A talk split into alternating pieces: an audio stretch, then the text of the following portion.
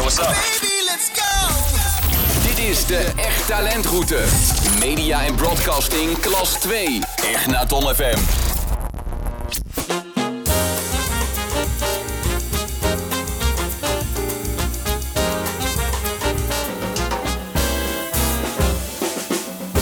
En daar zijn we weer met een nieuwe podcast-episode. En we zitten hier met, ik sowieso Neha. Ik ga me voorstellen. Ik zit in de tweede klas en daar zit, als ik hier naar mijn rechter kijk, uit Baran. Kiona. Weet. En we zitten hier ook met een speciale gast. Als je je even wil voorstellen, wie bent. Ik ben Ronald Mertens, 86 jaar oud. Ja. En, geboren eh, in, eh, in het voormalige Nederlands-Indië. Ja. En in 1950, januari 1950, naar Nederland gekomen op 14-jarige leeftijd. En hoe- u bent dus vandaag naar onze school gekomen om een verhaal te vertellen over al- alles wat is gebeurd in Indonesië en wat er allemaal is gebeurd. Wilt u een klein beetje samenvatten van wat er allemaal is gebeurd in Indonesië?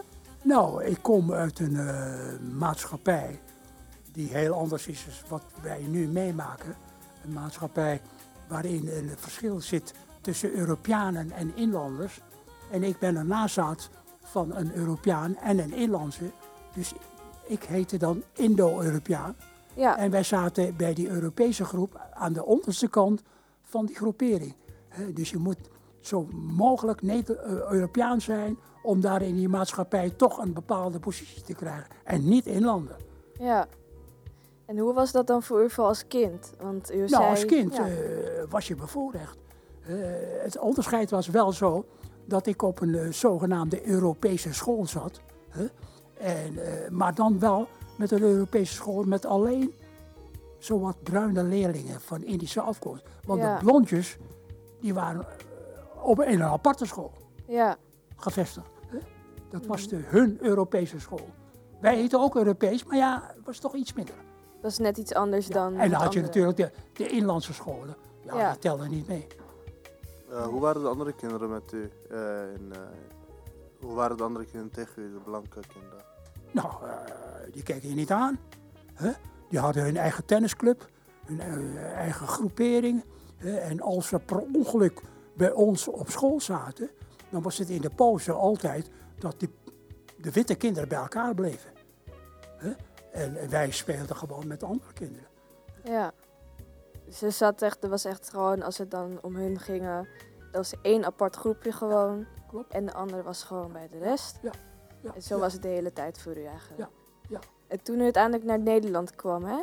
Hoe wa- was dat toen lastig? Of was het gelijk van, oh, ik heb een warm welkom. Het is omdat ik nog nee. ben. Maar, We werden in, in Indië werden we echt Nederlands opgevoed. Hè? Je zong dan eh, Heb u lief, mijn vaderland. Hè? Hollands vlag.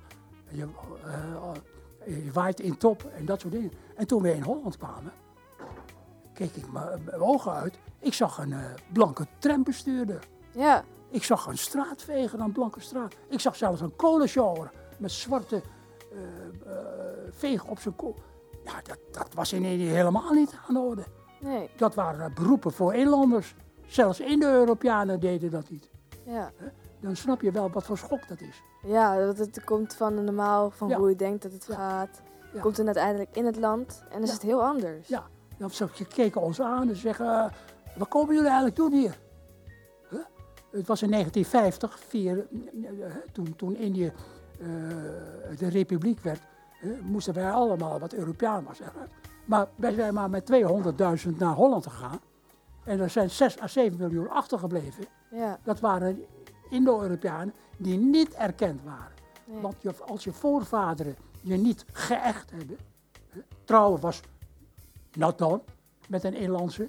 Er waren wel gevallen van eh vorstenkinderen die eh, eh, met een Hollander trouwden en daarna zaten. Maar dat was zo sporadisch. Nee. Dus je was, je was gewoon vreemd. En nog iets anders, nog vreemder vonden we, dat alle huizen hier geen badkamers hadden. Geen badkamers? Nee. Weet je welke, welke huizen wel badkamers hadden? Dat waren de huizen op de, op de Churchilllaan, in de Apollolaan. Maar wij moesten naar het badhuis gaan. Toen wij dus uit Noordwijk aan Zee naar Amsterdam verhuisden, kwamen we dus in een opvangpension, zo heette dat. En wij gingen baden, de Gerard Douwstraat. voor een kwartje kon je 20 minuten eh, in de badkamer zitten. En na 20 minuten gaat er een ringeltje. En dan kreeg je koud water en dan moest je eruit. Oh, Je had, in Amsterdam had je in diverse badhuizen. In de Dapperstraat had je er een. Op de Marnixstraat. En wij, mijn vader weigerde alle huizen die geen badkamers hadden. Maar uiteindelijk was het zo erg dat eh, wij een huis kregen in de Van Speelbergenstraat. En dat was een eh, vrij grote toilet, wc. En Ja. daar werd een muurtje tussen gezet. En toen kregen we een sproeiertje. En, eh, ja, Dat je dan in die tijd, dan heeft u wel geluk gehad daarmee eigenlijk. zeker. Ja, Zeker, zeker. Dat, dan praat ik over de jaren 50. Hè? ja, ja. Toen hier ook in Holland nog bediendes waren. Hè? Ja. Meisjes die bij gegoede families werkten. Hè? Ja. Dat waren de bediendes, dat was daar. En toen u klein was hè, in Indonesië, u bent opgegroeid met, Ieder een eigen baboe. Hè? Een dienstmeisje die per se voor ieder kind beschikbaar was. Die droeg jou, die waste jou. Eh, nou ja, als je naar het toilet moest gaan. Wat.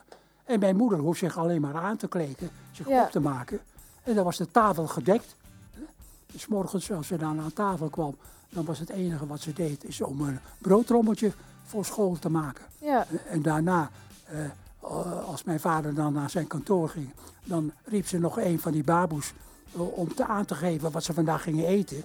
En die baboe die onthield dat. En dan gingen ze naar de markt toe. Als mijn moeder zin had, dan gingen ze mee. Maar als ze geen zin had, gaan ze naar de vriendinnen toe. ja.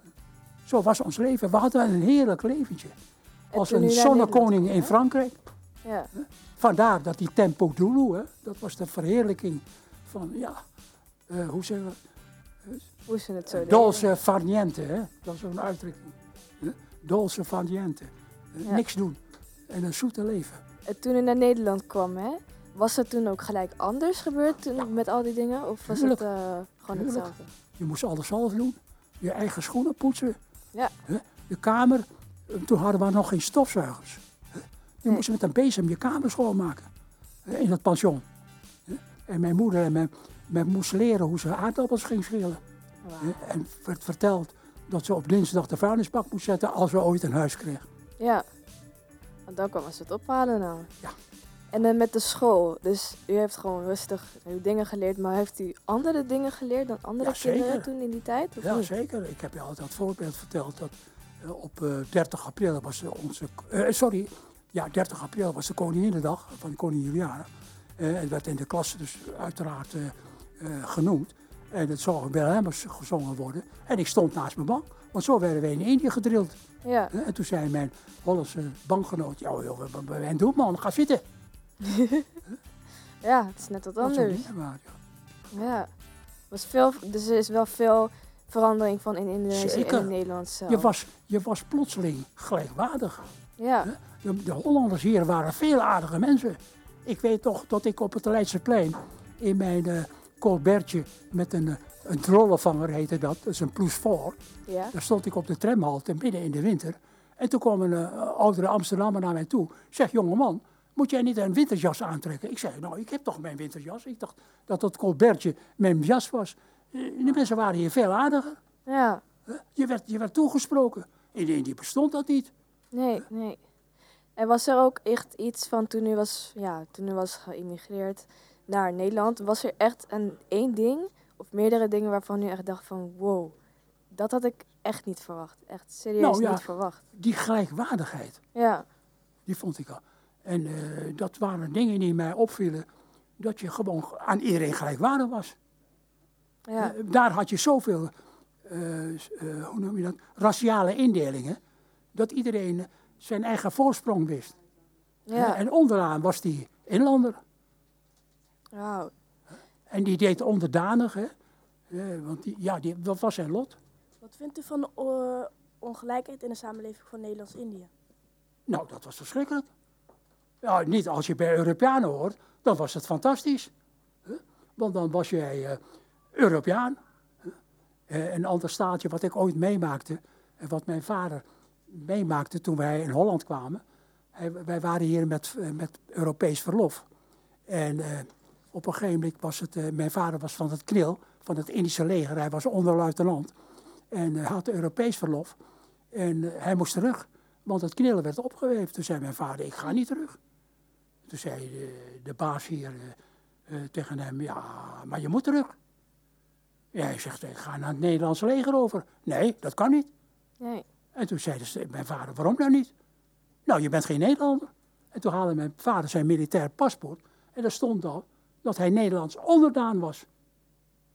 Toen zei de kolonel tegen hem, ja, je bent wel onderdaan, maar je bent geen Nederlander. Je bent Belg of je bent Indonesiër.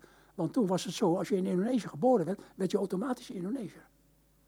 Oké. Toen heeft mijn, mijn vader met andere Belgische nazaten een advocaat genomen. Ah. En hebben een proces tegen de staat gedaan. En toen heeft de rechter bepaald dat wij, deze nazaten, de gelegenheid moesten krijgen om Nederlander te worden, Nederlandschap aan te vragen. En dat hebben we gedaan. Ik ben in 52 op de Prinsengracht, het Paleis van Justitie, zijn wij Nederlanders geworden. Ja, dat is echt wel heel mooi gezegd eigenlijk zo.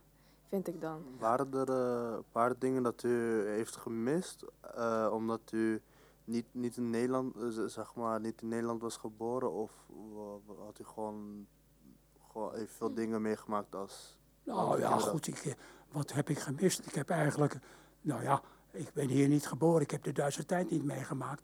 Maar eh, ik heb eigenlijk eh, meer positieve dingen meegemaakt dan wat ik eh, in vergelijking met Indië meegemaakt heb. Ja. Eh, kijk, en dat, daar mogen we trots zijn dat we nu in Nederland een, een, maatschappij hebben met iedereen, waar die ook vandaan komt, dezelfde rechten heeft. Precies. Ook al ben je geen Nederlander. Zo is het in, in, in Nederland nu geregeld. Ja.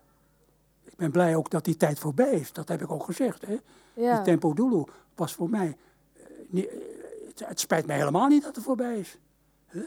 I- Het was een onrechtmatige maatschappij. Wat mijn oma is aangedaan en wat haar familie is aangedaan.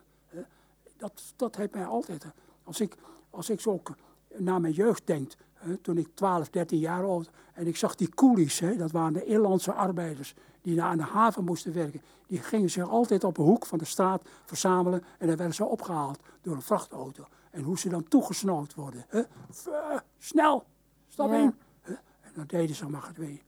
ja. Ik ben er wel blij mee dat het wel weg is. Echt. Ik vind de republiek dat het ontstaan is, vind ik geweldig. En ze hebben 3,5 eeuw hè, bezet gebied. Ik heb je verteld wat het verschil is tussen kolonie en bezet gebied. Ja. Eh, ze zijn allemaal in ontwikkeling tegengehouden, maar ze komen nu naar voren toe. Hè, en je ziet met horten en stoten, hebben ze nou een staat hè, die eh, economisch goed gaat. Maar ja, waar helaas een sociale strijd nu ook daar begint. Ja. Ik heb altijd tegen de Indonesiër gezegd, die vrijheidsstrijd is enorm geweest. Precies. Maar de sociale strijd tussen Jan de arbeider en de gegoede, die moet nu gebeuren. Precies. En nu beginnen ze met vakbonden, met partijen. Ja. En dat hebben wij allemaal al gehad. Kon u ook, eh, toen u in Nederland kwam, kon u dan Indonesisch spreken of eh, ook Nederlands? Nou, we hebben allebei, hè. We hebben onze allebei de taal. Indonesisch heette toen Maleis. Dat was de Pasar Maleis, de gewone taal. Eh, En Nederlands, dat moest je leren. Als je op school een spreekbeurt had op maandagmorgen. Was altijd op de school een spreekbeurt. En dan moest je dan je verhaaltje afvertellen wat je in, in, in, het, in het weekend gedaan hebt. En we spraken bijvoorbeeld Pecho. Dat kennen jullie niet. Pecho Nee. is een Nederlandse taal met een Indonesische grammatica. Ah. Als jij eh, bijvoorbeeld zegt van waar kom jij vandaan? Dan zeiden wij in het Pecho, jij van waar? Ah. Huh? Kamu dari mana? Dat was het Maleis. Waar kom jij vandaan? Kamu dari mana? Hè, En eh, als wij dan een beetje Pecho spraken, spreek Nederlands. Je bent toch een Nederlander? Zo werd je opgevoed. Maar we hadden een Hollandse lerares. En, onze klemtoon was verkeerd en al die dingen. En begon zij daar allemaal te, corrigeren. Dat was een heidense zaak. Ik weet nog heel goed, mijn Almonese klasgenoot, als hij dan een spreekbeurt had, eh, met zijn half Nederlands taal. En dan krijgt hij van de Nederlandse onderwijzer, nou Jozef, je hebt een eh, voldoende hoor, vijf en een half. En dan ging hij naar zijn bank toe en dan keek hij mij aan en dan zei hij, Kool-Aid, hè, je huid, omdat hij een zwarte huid had. Ja. Zulke tijden was het maar. Dat moet ik wel zeggen. Ja. En hij heeft ook een liedje wat hij eh, wilde afspelen. My Way van... Frank Sinatra, ja. Juist. Gaan we er lekker naar luisteren nu? Ja. Oké, dan gaan we nu lekker naar And uh, now the end is near, and so I face the final curtain.